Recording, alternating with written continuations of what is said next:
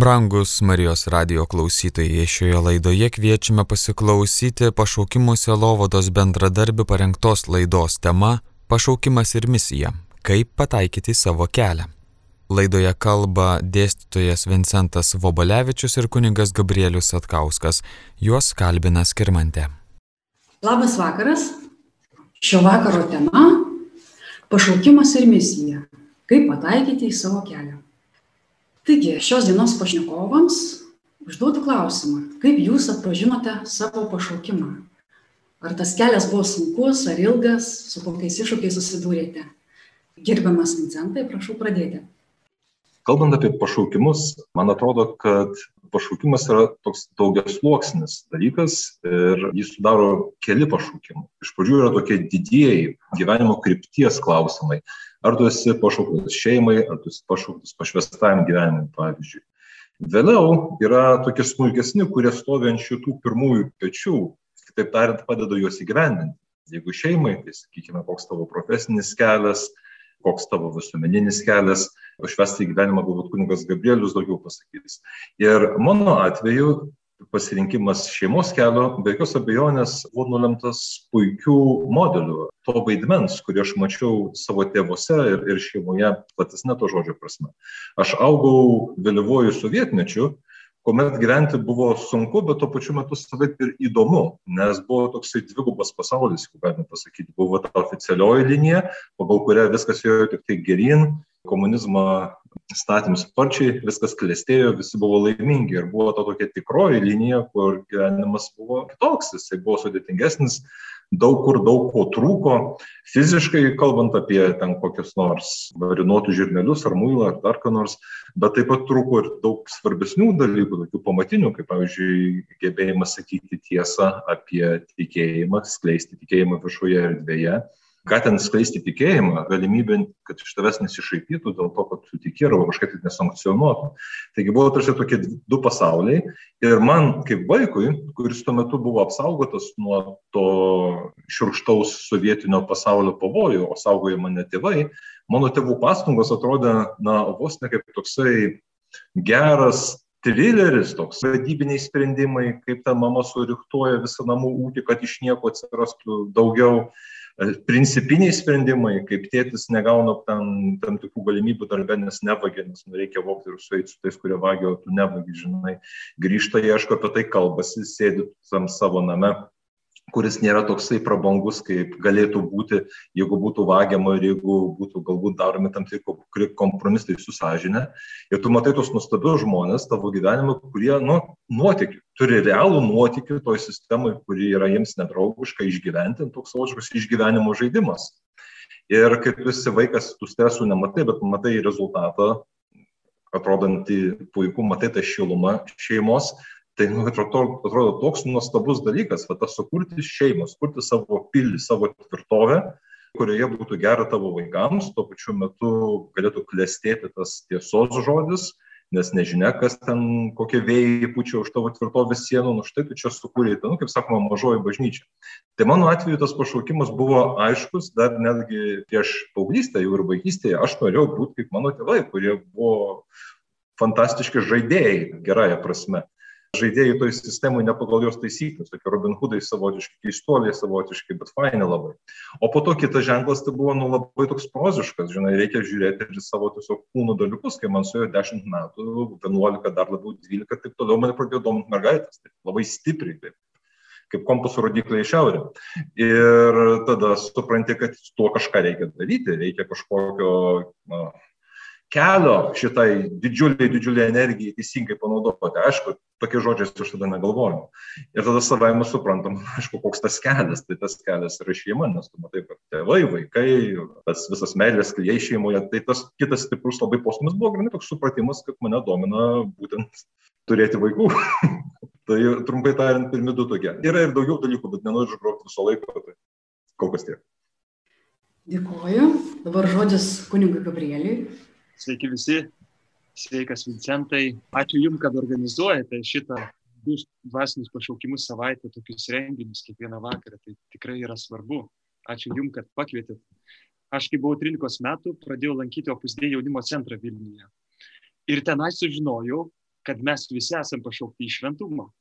Kad čia yra visuotinis visų mūsų pašaukimas, pagrindinė užduotis, nesvarbu, kokio amžiaus esam, kokios profesijos pašaukimo, pagrindinis pašaukimas siekti šventumo.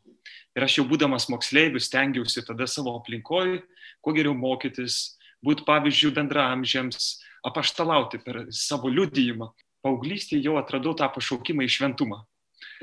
O kai buvau 18 metais, 11 klasiai, su draugais vykom į piligrimystę prieš Velykas per didžiąją savaitę į Romą.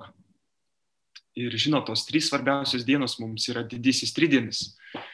Ir didįjį ketvirtadienį vakare po pasinės vakarienės mišių visose pasaulio bažnyčiose įstatomas švenčiausias sakramentas adoracijai. Ir mes tą vakarą su draugais, nedidelę grupelę vaikščiom tarp bažnyčių Romui, tarp tų pagrindinių bazilikų, tokia ėjom piligrimystę, žymę seną nuo pirmųjų amžių einamą krikščionių. Ir mes vis kiekvienoje bažnyčioje sustodavom pagarbinti švenčiausiai sakramentą, susitik su Jėzum. Ir bevaikštant tarptų bažnyčių užkalbino vienas ispanas kunigas ir klausė, iš kur esi, ką nori veikti gyvenime, kaip tau sekas. Aš sakau, blogai sekas, nes visą laiką norėjau būti mediku, bet dabar paskutinius mėnesius taip ir nebežinau, ką daryti gyvenime, ką studijuoti. Tuoj baigsiu gimnaziją, esu pasirinkęs visas pamokas pagal mediciną, bet iš tiesų nežinau, ar to noriu. Ir tada tas kunigas sako, Dievas tave sukūrė, davė tau talentus ir jis geriausiai žino, ką tu gali su savo gyvenimu padaryti. Tu paklaus, ko jis nori iš tavęs. Ir man taip patiko ta mintis, aš nuėjau vieną bažnyčią, adoraciją ciklą ir klausiu, net su tokiu truputį priekaištu, spausdamas Dievą, ko tu nori? Ko tu nori? Nes jaučiau tokią kažkokią tuštumą vidinę. Ir ką daryti su savo gyvenimu? Ir klausiu, ko tu nori? Taip iš širdies adoracijai, kad gavau toj maldoje atsakymą. Tokį aišku pašaukimą, būk kunigu. Du žodžius širdį išgirdau. Mano draugai negirdėjo tų žodžių, ne, bet aš aiškiai toj maldoj patyriau, ne šiaip kažkokią mintį kilusią iš mano apmąstymų maldoje buvimo, bet aišku atsakymai mano klausimą. Adoracijoje. Ir mane tai taip sukrėtė tą akimirką. Trys tokie jausmai buvo. Didelis džiaugsmas, kad štai pagaliau žinau, ką turiu daryti. Tada tokia ramybė, nes visas tas nerimas iškart ranka buvo nuimtas dėl to, ką turiu daryti su savo gyvenimu. Tokia ramybė, tokia pagoda ir tikėjimas, toks labai įplėkstas, uždegtas naujai tikėjimas. Ir tai su ta ugnim grįžau paskui namo į Lietuvą ir pasakiau savo geriausiam draugam iš karto, pasakiau paneliai, su kuria neseniai draugavau. Ir tada taip džiugiai tą liūdį jau nepaisant kažkokio pavojaus, kad gali kažkas pasijuokti ar pasityčiot bendramžių tarpę mokyklai. Tai žodžiu buvo toks stebuklingas sakyčiau, susitikimas ir pašaukimo išgyvenimas. Aš taip išgyvenau adoracijų. Ir turiu daug bičiulių, kurie adoracijoje sutiko Dievą, atsivertė ir surado savo pašaukimą. Tai čia vienas iš tokių ypatingų Dievo veikimo būdų per švenčiausią sakramento adoraciją. Jeigu norim surasti savo pašaukimą, klauskim drąsiai, ko tu nori Dievui iš manęs. Tik čia buvo klausimas, kokie tie keli patarimai, nuo ko pradėti ieškant pašaukimų jauniems ar vyresniems žmonėms, tai vienas iš jų adoracija, ar ne? Gal dar kokių patarimų turėtumėt e, žmonėms, kurie galbūt pasimetę ar klaidžioja tiesiog, vis neranda, neranda? Esu ir užbaigčiau. Man atrodo, trys svarbiausi dalykai. Forma, kokioje situacijoje tai ištiks tas pašaukimas, nes pašaukimas gali būti kažkaip nuo gimimo, Mes žinom, pranašai, kai kurie Senam testamente jau motinos iššiose dar juos Dievas pašaukė. Bet tai irgi yra momentas, kuris ištinka. Mes galim ir išmels kažkokio pašaukimo, juk tai yra įvykis iš Dievo iniciatyva kylanti laike. Mus pašaukė Dievas, o pats tas veiksmažodis rodo, kad kažkada tai vyksta. Tai, man atrodo, trys svarbiausi dalykai.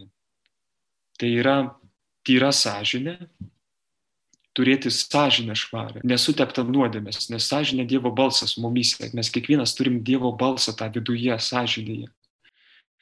Tai jeigu gyvenam sąžiningai ir esam su savim sąžiningi su Dievu, tą sąžinę vis nuvalom per atgailos sakramentą, jinai jautri. Man atrodo, čia viena labai svarbi sąlyga. Turėti tą tokią gyvą sąžinę. Tada tyra širdis. Turėti tokią tyrą širdį, nesutepta kažkaip stengtis apsaugoti savo širdį, ypač nuo kokio gašlumo, kuris yra tokia stipri aistra, yra labai graži Dievo dovanota aistra, lytiškumas, bet jinai gali irgi labai sujaukti jausmus, jeigu mes nesuvaldom jos. Ne? Tai tokia tyra širdį turėti. Tyra širdį, švarę sąžinę ir tylos, nes Dievas kalba tyloje. Turėti savo gyvenime tylos momentų, bent savaitę išeiti, pasivaikščioti į gamtą, pabūti su savim, su Dievu, nueiti, pabūti tyloj maldoje, ar į adoraciją, ar tiesiog su šventu raštu, ar tiesiog, kaip mums įprasta, nes kas yra malda, yra bendravimas su Dievu ir mes galim visai bendrauti su Dievu, mes skirtingi, kiekvieno mūsų santykis su Dievu unikalus.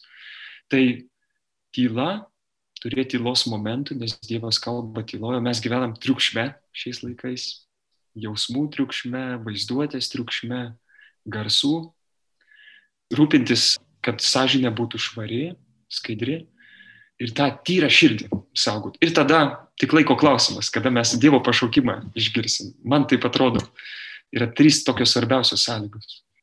Dėkoju. Kaip jūs, Vincentai, ar papildytumėt patarimų sąrašą?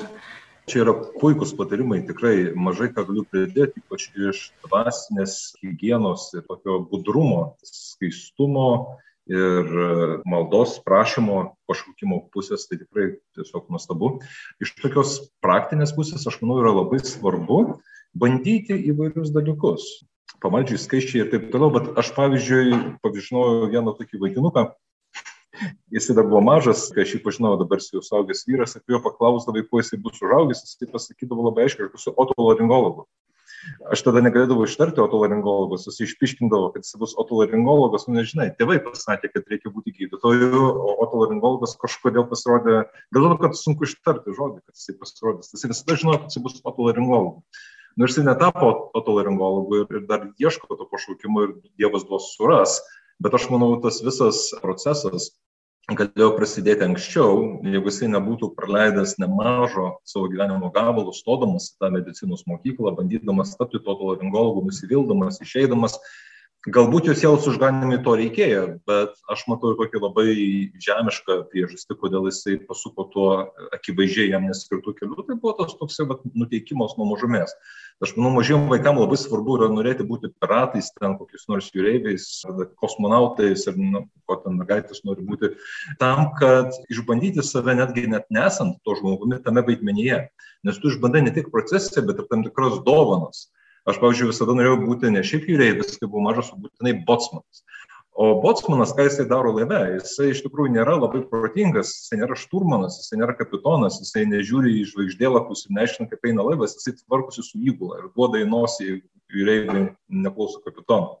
Tai aš dabar esu dėstytojas, nu, tai nosį aš neduodu, bet to botsmano momento dėstytojo darbė yra, tu nesi tam tikrą prasme masės valdytojas, labai mielos, nuostabios, puikių, gražių individų, ypač klauso mano studentai masės, tai e, tu nebūsi geras dėstytojas. Ir tas toks nuo pat pat mažumės, tas toksai, va, aš noriu stovėti prieš minę ir ją kreipti kažkokio gero tikslo link, nors iš to bosmano svajonių atėjo.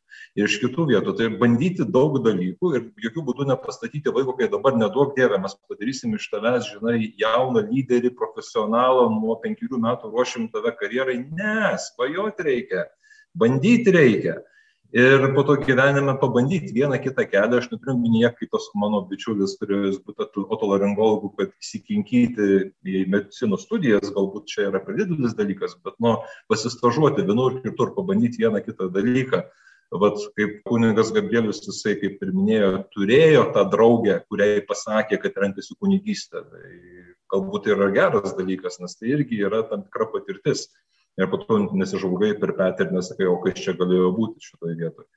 Tai taip pat ir labai geras dalykas, jeigu šeimos turi kunigų, kurie yra artimi draugai. Tas tai labai gerai, nes mes sovietmečių gerbėm kunigus, gerbėm bažnyčią, ypač persikiojama bažnyčia, tai buvo tiesiog mūsų didvyriai, bet tie didvyriai buvo toli ant pėdestalo. O tas ryšys su kunigu, nu, nu, bažnyčiai nemažai žmonių būdavo, kunigas vienas, nu, ten užsakai kokias mišes ir tiek, su pagarba.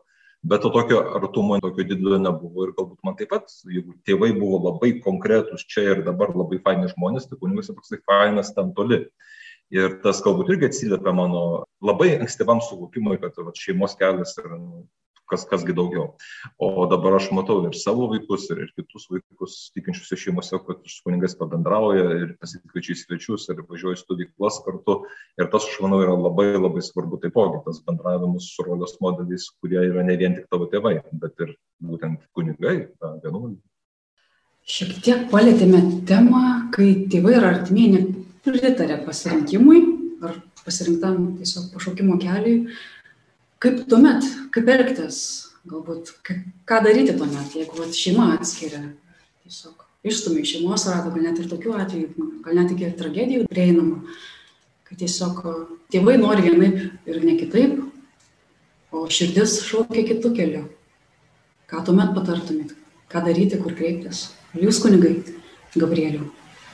Pirmosius kunigystės metus tai tarnavau seminarijui. Turiu studentus, kurie pačius pirmosius metus įstojo į seminariją ir, ir teko matyti, kaip kai kurių tėvai visiškai nepalaiko ir net yra prieš.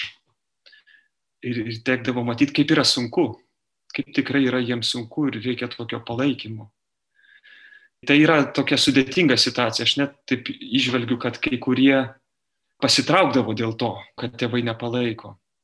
Vis tik tai tėvai turi suprasti, kad vaikas nėra jų nusavybė. Yra dovana Dievo kurią viešpats nori teikti pasauliui per juos. Ir jie irgi turi suteikti tą tokią laisvę savo vaikui, Dievo planui jų vaikams. Net tai, kad dievai netaptų tokiais konkurentais su Dievo planu, neužgoštų, bendradarbiautų toliau su kurėju, jau užaugus jų vaikų ir leidžiant jam atras jo pašaukimą. Tai čia iš tiesų labai sunkios situacijos, komplikuotos ir labai sunku ką konkrečiai patarti. Aišku, bent bičiulių turėti, kurie palaiko, supranta. Tai pavyzdžiui, tiems studentams labai didelė atrama buvo kurso draugai, kurių tėvai juos palaiko. Ir jie kartu gal vykdavo per laisvą laiką į to kursioko šeimą pabendrauti ir tie tėvai pasidžiaugdavo.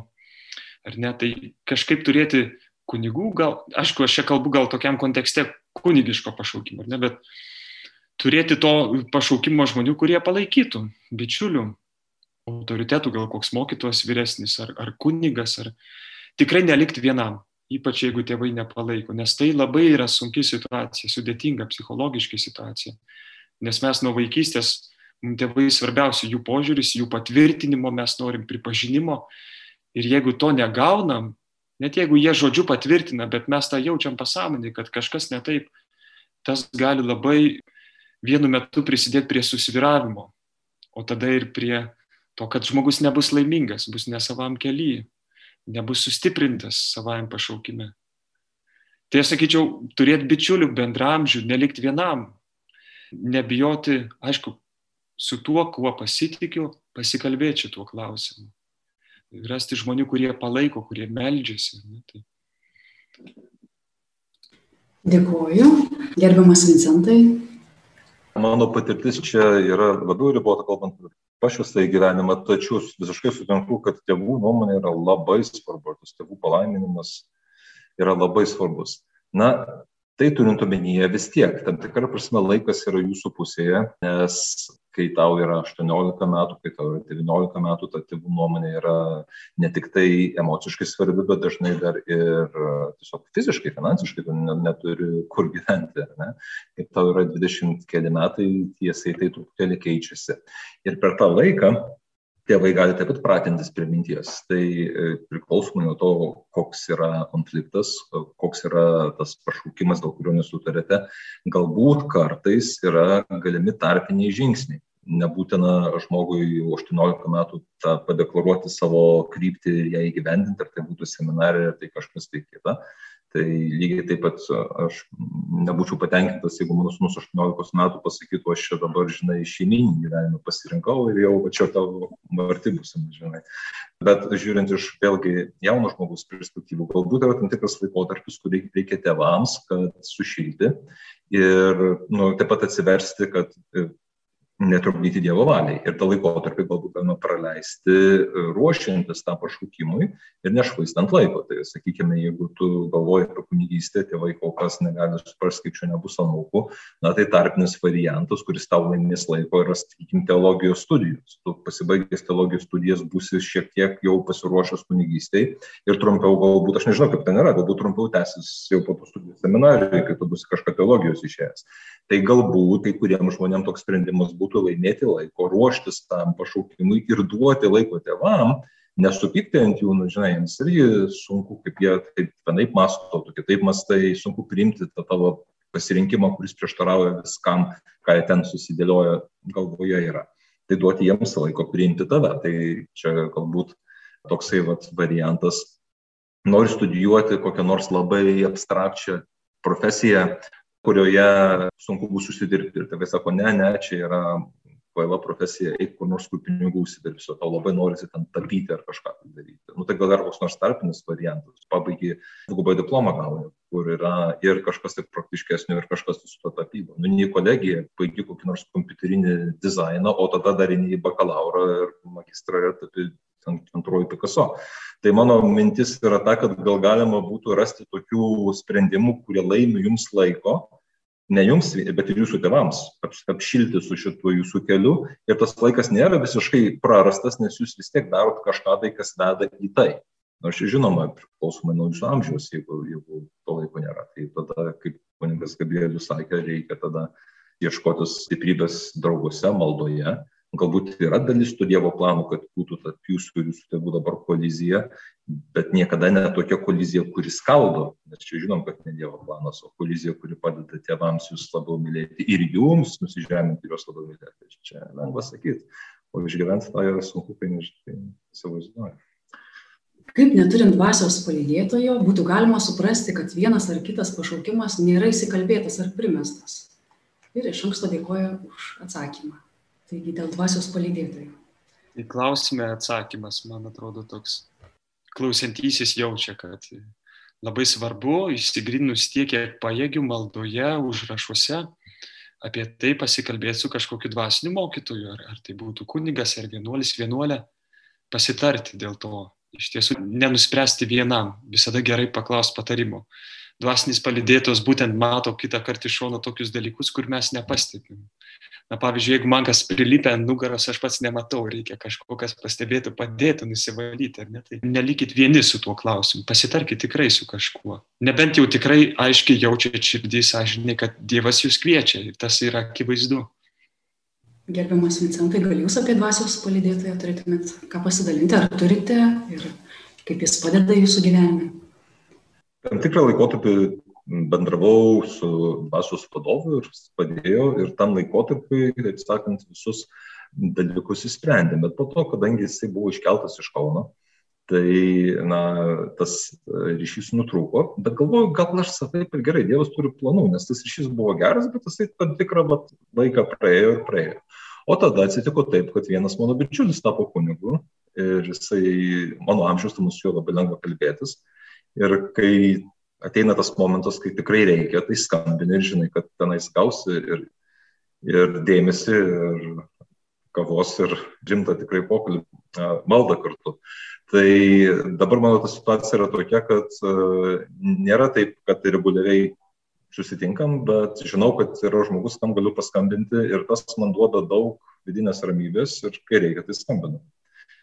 Dar būtų klausimas, kaip manote, ar Dievas supyksta, užsirūstina, jei žmogus pasirinka ne tą kelią, kurį Dievas skyrė. Apskritai, ar Dievas pyksta už mūsų pasirinkimus. Kaip galvojate? Manau, vienareikšmiškai ne. Remiuosi kažkaip Augustinų, tokio augustiniškų mąstymų. Dievo malonė tai jinai nepribojama yra. Jeigu ir Dievas meilė nepažįsta prievartos. Meilė nepažįsta prievartos. Ir mes galim savo galimybės apriboti savo klaidingais pasirinkimais, bet Dievo malonė vėl praplečia ir mums parodo naują perspektyvą. Ir taip be galo iš tiesų. Nes Dievas visagalis, nes Dievas yra meilė, Jis mus pašaukė, kad būtume laimingais, nori, kad būtume šventais ir šventumą išpildyti galima bet kuriame kelyje. Tai jeigu mes neiname tuo keliu, kuris teiktų didžiausią garbę Dievui, nėra tiek daug garbės vaisių, kiek galėtų būti, jeigu pasirenkam ne tą pašaukimą, bet mes vis tiek galim būti laimingais ir galim pasiekti šventumą, gal ne taip greitai ir ne taip lengvai, negu kad būtume tame pašaukime, į kurį kviečia Dievas.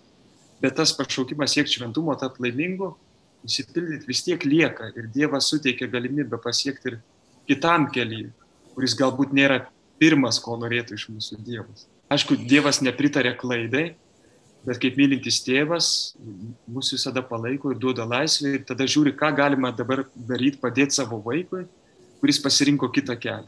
O jis yra visagalis, jis gali tas visas galimybės praplėsti naujai. Aš irgi visai pritariu, kad tikrai Dievas nepyksta. Aš manau, mes pykimas ir Dievas, nu tie dalykai, ne, kartu pykimas yra žmogiškas toksai dalykas. Ir man atrodo, kai mes pykstame ant kitų žmonių, tai realiai galiausiai mes pykstame ant Dievo dėl to nereikia piktinti kitų žmonių, nes žinai, kiekvienas žmogus gali tau paaiškinti, kodėl jis kažką tai padarė, tai įsigilinęs į jo situaciją, pabūgęs jų batuose, tu ko gero suprasi, kad nėra pagrindo ant jo pykti, nes va, jisai man tu taip ir jisai padarė taip ir tau galbūt tai buvo skaudu, bet reikia atleisti bet kadangi labai sunku atleisti, tai realiai, kai tu pykstant to žmogaus, tu pasąmonėje sakai, nu dieve, nu kokio galo man pakišai šitą netikusių žmogų. Na čia aš truputėlį džiazuoju, bet man toks jausmas, kad mes kaip pykstam, tai mes realiai dienos gale pykstam ne ant žmogaus kažkokio, nes jeigu būsim su savim sąžininkai, tai suprasim, kad vienintelis teisingas santykis su tuo žmogumi yra atleidimas. Ir jeigu vis pykstam, tai pykstam ant Dievo, kad neturime jėgų atleisti, kad iš kur čia tas žmogus atsirado. Ir dėl to tas piktis yra toks negražus, netgi kai jisai nėra nukreiptas į Dievą, nukreiptas į kitą žmogų, jeigu atsekti galutinį jo adresatą, tai aš manau, mes priesim prie Dievo. O kadangi Dievas savaime suprantama yra tobulas ir visagalis ir virš savęs neturi kito Dievo, ant kurio galėtų pykti, tai savaime suprantama, aš manau, jisai galbūt liūdė. Jeigu mes pasirinkome ne tą kelią, kuris mus tiesiausiai nuvestų prie jo, bet jisai nepaliauja, čia panašiai kaip esi tėvas. Tai yra didelis pliusas turėti vaikų, nes tuos dalykus išbandai kitoj perspektyvoje. Nu, ten, norėtum, kad tavo vaikas kažką gerai darytų, nors jisai nedaro. Tai, tai kadangi tu esi žmogus, o ne dievas ir netobulas, tai tu supyksti.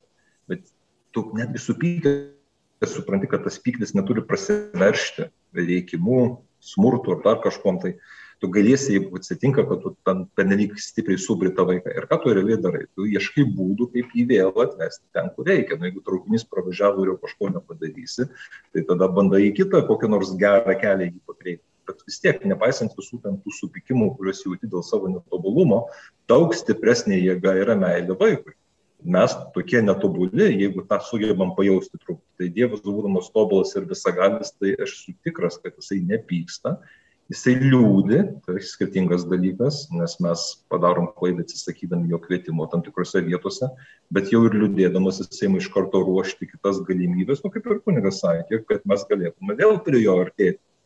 Ir taip, mes galbūt atsisakę geriausio kelio, tada eisime kokiu nors labiau vingiuotų kelių, nu, bet tą kelią Dievas mums visada ruoš. Nu, ne tik, kad ruoš, bet padarys galimybę jį pasirinkti vienoje ir kitoje vietoje. Dar būtų vienas klausimas, kokie Dievo ženklai lydėjo jūs pasirinkus savo pašaukimą? Ar buvo tų ženklų, ar jie akivaizdus ir kaip e, dalyviams, žiūrovams atskirti tos ženklus, kad taip, čia yra Dievo ženklas, tikrai pasirinkau teisingai, viskas gerai. Man vienas iš stipriausių ženklų buvo, aš jau kai įstojau į seminarinės pašaukimą patyriau dar vienuoliktokas, kai įstojau pirmosius metus seminarijos, tai jų pabaigoje turėjau rekolekcijas ir, ir buvo užduotis prisiminti savo pašaukimo istoriją. Ir aš taip mastau ir atkapščiau, kad tas pašaukimas įvyko didįjį ketvirtadienį, vakare. O būtent tą dieną, tą vakarą Kristus įsteigė kunigystės sakramentą. Tai man buvo šokas, išvertė iš kojų, iš tiesų. Pašaukė tą dieną adoracijų didį ketvirtadienį, kunigystę, kai pats tą sakramentą įsteigė. Tai buvo toks anspaudas, viskas, čia tikrai jau yra pašaukimas. Ne? O šiaip daug, daug tokių mažų ženkliukų, jie visada lydi ir daug jų teko patirti. Ir labai gražių. Dabar, kai žiūriu atgal, tai matau Dievo veikimą, vedimą akivaizdžiai, bet tuo metu prisimenu, kaip jaučiausi. Tai visiškai kitaip yra tokia nežinia, ir į priekį veda pasitikėjimas Dievu. Verta pasitikėti Dievu, mes paskui laimėsim tą patirtį, kad galim pažvelgti atgal ir matyti, jog tikrai Jisai mus vedė ir daug tų ženklų pamatyti, surasti. Dėkoju, Vincentai, ar jūs turėtumėte?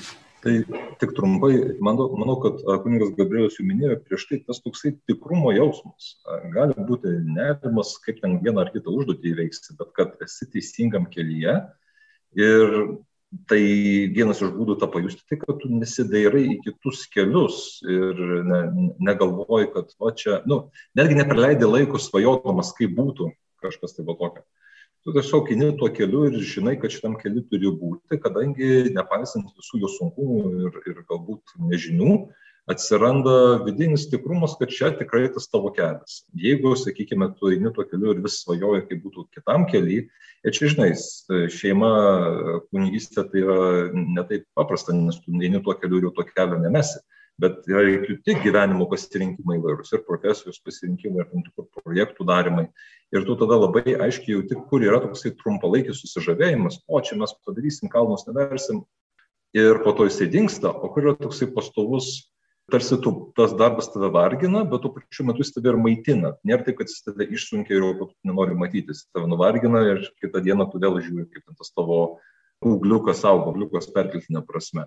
Tai tu jauti, kad jis tave maitina netrumpų susižavėjimų, kažkokią giluminę jėgą.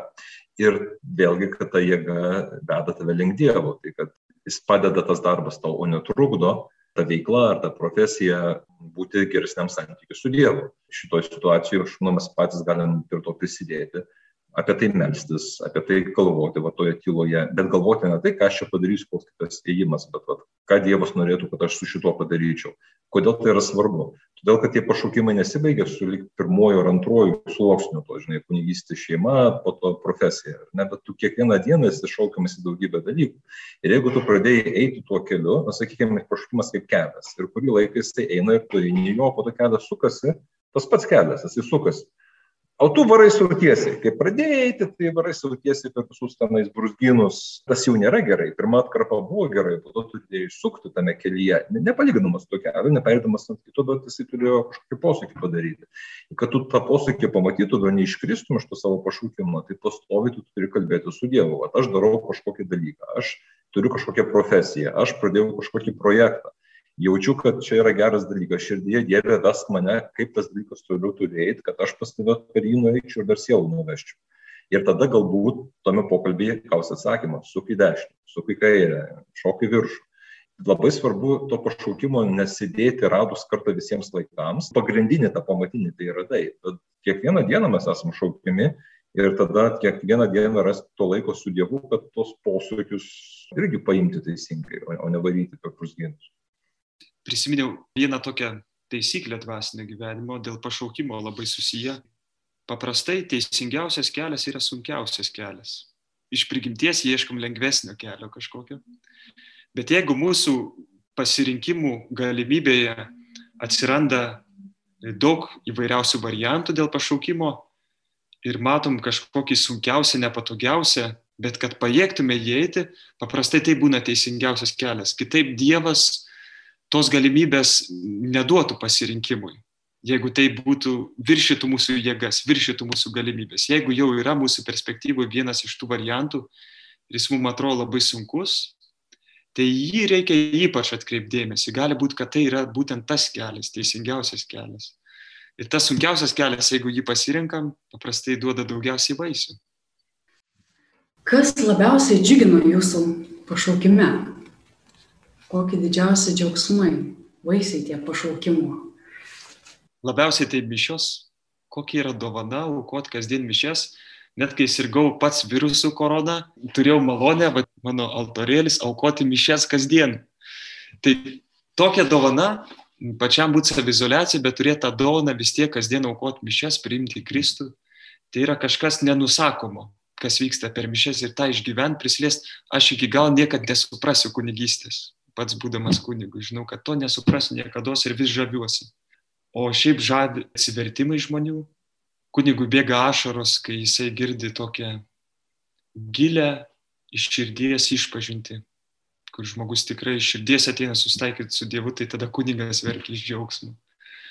Daug būna džiaugsmo ašarų, kad ir kaip paradoksaliai skamba, lankant ligonius. Ir toj baisioj tamsoj kančioj, matant jų šviesias akis tada visi ten, na, kažkokie rūpešiai, bėgimai, pasaulio rūpešiai atrodo juokas. Prieš tai, ką jie išgyvena ir kokios yra šviesios jų akis, jie kaip tik sustiprina. Visos tos tokios akimirkos, susitikimo su žmonėm ir matant jų tikėjimą, teikia didžiausią džiaugsmą. Kunigas turi tokią malonę pamatyti iš arti, iš vidaus. Ir čia yra didelė dovana. Dėkuoju. Man iš pasauliečių perspektyvos irgi vis tiek santykis su Dievu namų bažnyčioje. Kai tu turi vaikų, nu, irgi kažkas fantastiško, žinai, buvo dviese, dabar jau yra žymiai daugiau negu dviese ir iš mažyčių dviejų lastelių štai žmogus prieš tą. Tas žmogus auga ir jisai visiškai tavo rankose. Nėra taip, kad tu su juo pabendrauji, ten kaip paskaitoji ar kur padarai įspūdį ir nu, ne, o jisai realiai savo kiekvieno judesio priklausomus nuo tavęs ir, ir nuo, nuo tavo žmonos yra. Nu, tas toks kažkoks nerealus jausmas. Nebuvo nieko, buvo dvi lastelės, štai dabar žmogus ir jis taip vystosi ir tu matai, kaip jisai, kaip gėlė atsiskleidžia visom prasmėm pas tave. Ir tada tas ypatingas jausmas, kuris sujaudina mane, tai tas gebėjimas pertikti tikėjimą. Ir kai matai, kad tavo vaikas nu, nukrito šventas tas paveikslėlis, jis iš karto paėmė pabučiavo stebuklas. Nu, aš, aš tą padaryčiau, kai buvau mažas vaikas, bet kaip tai išmokinti, aš nežinau. Nu, tiesiog kažkaip tai atsirado, žinai, dėkoju Dievui už tą momentą. Vakarė meldiesi iš pradžių, žinai, maži tingi klupėti, po to patys atsiklaupia klupi, žinai. Fantastiniai tokie dalykai, tokie momentai, kurie prasišvečia per tą visą rutiną, kaip toks kažkoks, wow, žinai, aš ne tik tai čia vaikus auginu, kaip kokius viščiukus auginėjame, aš čia tikrai su Dievu darau reikalą. Ir tai kažkokia fantastika, kad man tokiam nuodėmingam žmogui, kuris nu, tikrai ne vieną kartą yra Dievo žaidęs ir, ir dabar taip dosniai atsidėkoja jisai šitoje vietoje. Tai tas tikrai didžiulis džiaugsmas yra. Ir tada yra toksai bendrumo jausmas, kai būni ilgesnį laiką namie, tai atrodo, oi, čia būtiniai rūpešiai, tas, tas, bet tu išiniai pasaulį ir tada supranti, kaip tave tenais traukia sugrįžti, nes tenais yra visai kita kažkokia kokybė. Tai tu tenais sugrįžti ir tas bendravimas visas toksai, kad yra tos būtinius dalykus, jisai prideda visai kitą gyvenimo lygmenį, kurio anksčiau nebuvo ir aš suprantu, koks jis dabar yra nuostabus. Nu, nereikia niekur blaškytis, nereikia niekur eiti, tu turi savo uostą, tu tą uostą sugrįžti, tu tame uoste turi savo vaikus, savo žmoną ir tai yra gera, tu jauti Dievą. Tą. Dėkuoju. Dar vienas klausimas būtų, kokios pagrindinės klaidos ieškant pašaukimo? Ko nedaryti, kad neišsuktume iš to kelio, kurio ieškome? jos tokios labai paviršutiniškos, bet ir dažniausios. Iš tiesų galvoti, ką kiti pagalvos. Dievas nori, kad mes autentiški būtume savimi, tokie laisvi viduje. Ir galvoti ne ką kiti pagalvos, bet ką Dievas pagalvos. Ir Dieve, kaip mums šitą daryti su mano gyvenimu, ką padaryti. Ar ne? Tai turėtų būti prioritetas. Dėkoju šio vakaro svečiams, tikrai nuoširdus pasidalinimai, daug patarimų, belieka juos pritaikyti gyvenime. Kągi, atsisveikinam gero vakaro. Sudė. Mėly Marijos radio klausytojai, šioje laidoje klausėmės pašaukimusio Lovodos bendradarbių parengtos laidos tema Pašaukimas ir misija. Kaip pataikyti į savo kelią. Laidoje kalbėjo dėstytojas Vincentas Vobalevičius ir kunigas Gabrielius Atkauskas. Juos kalbino Skirmante. Likite su Marijos radiju.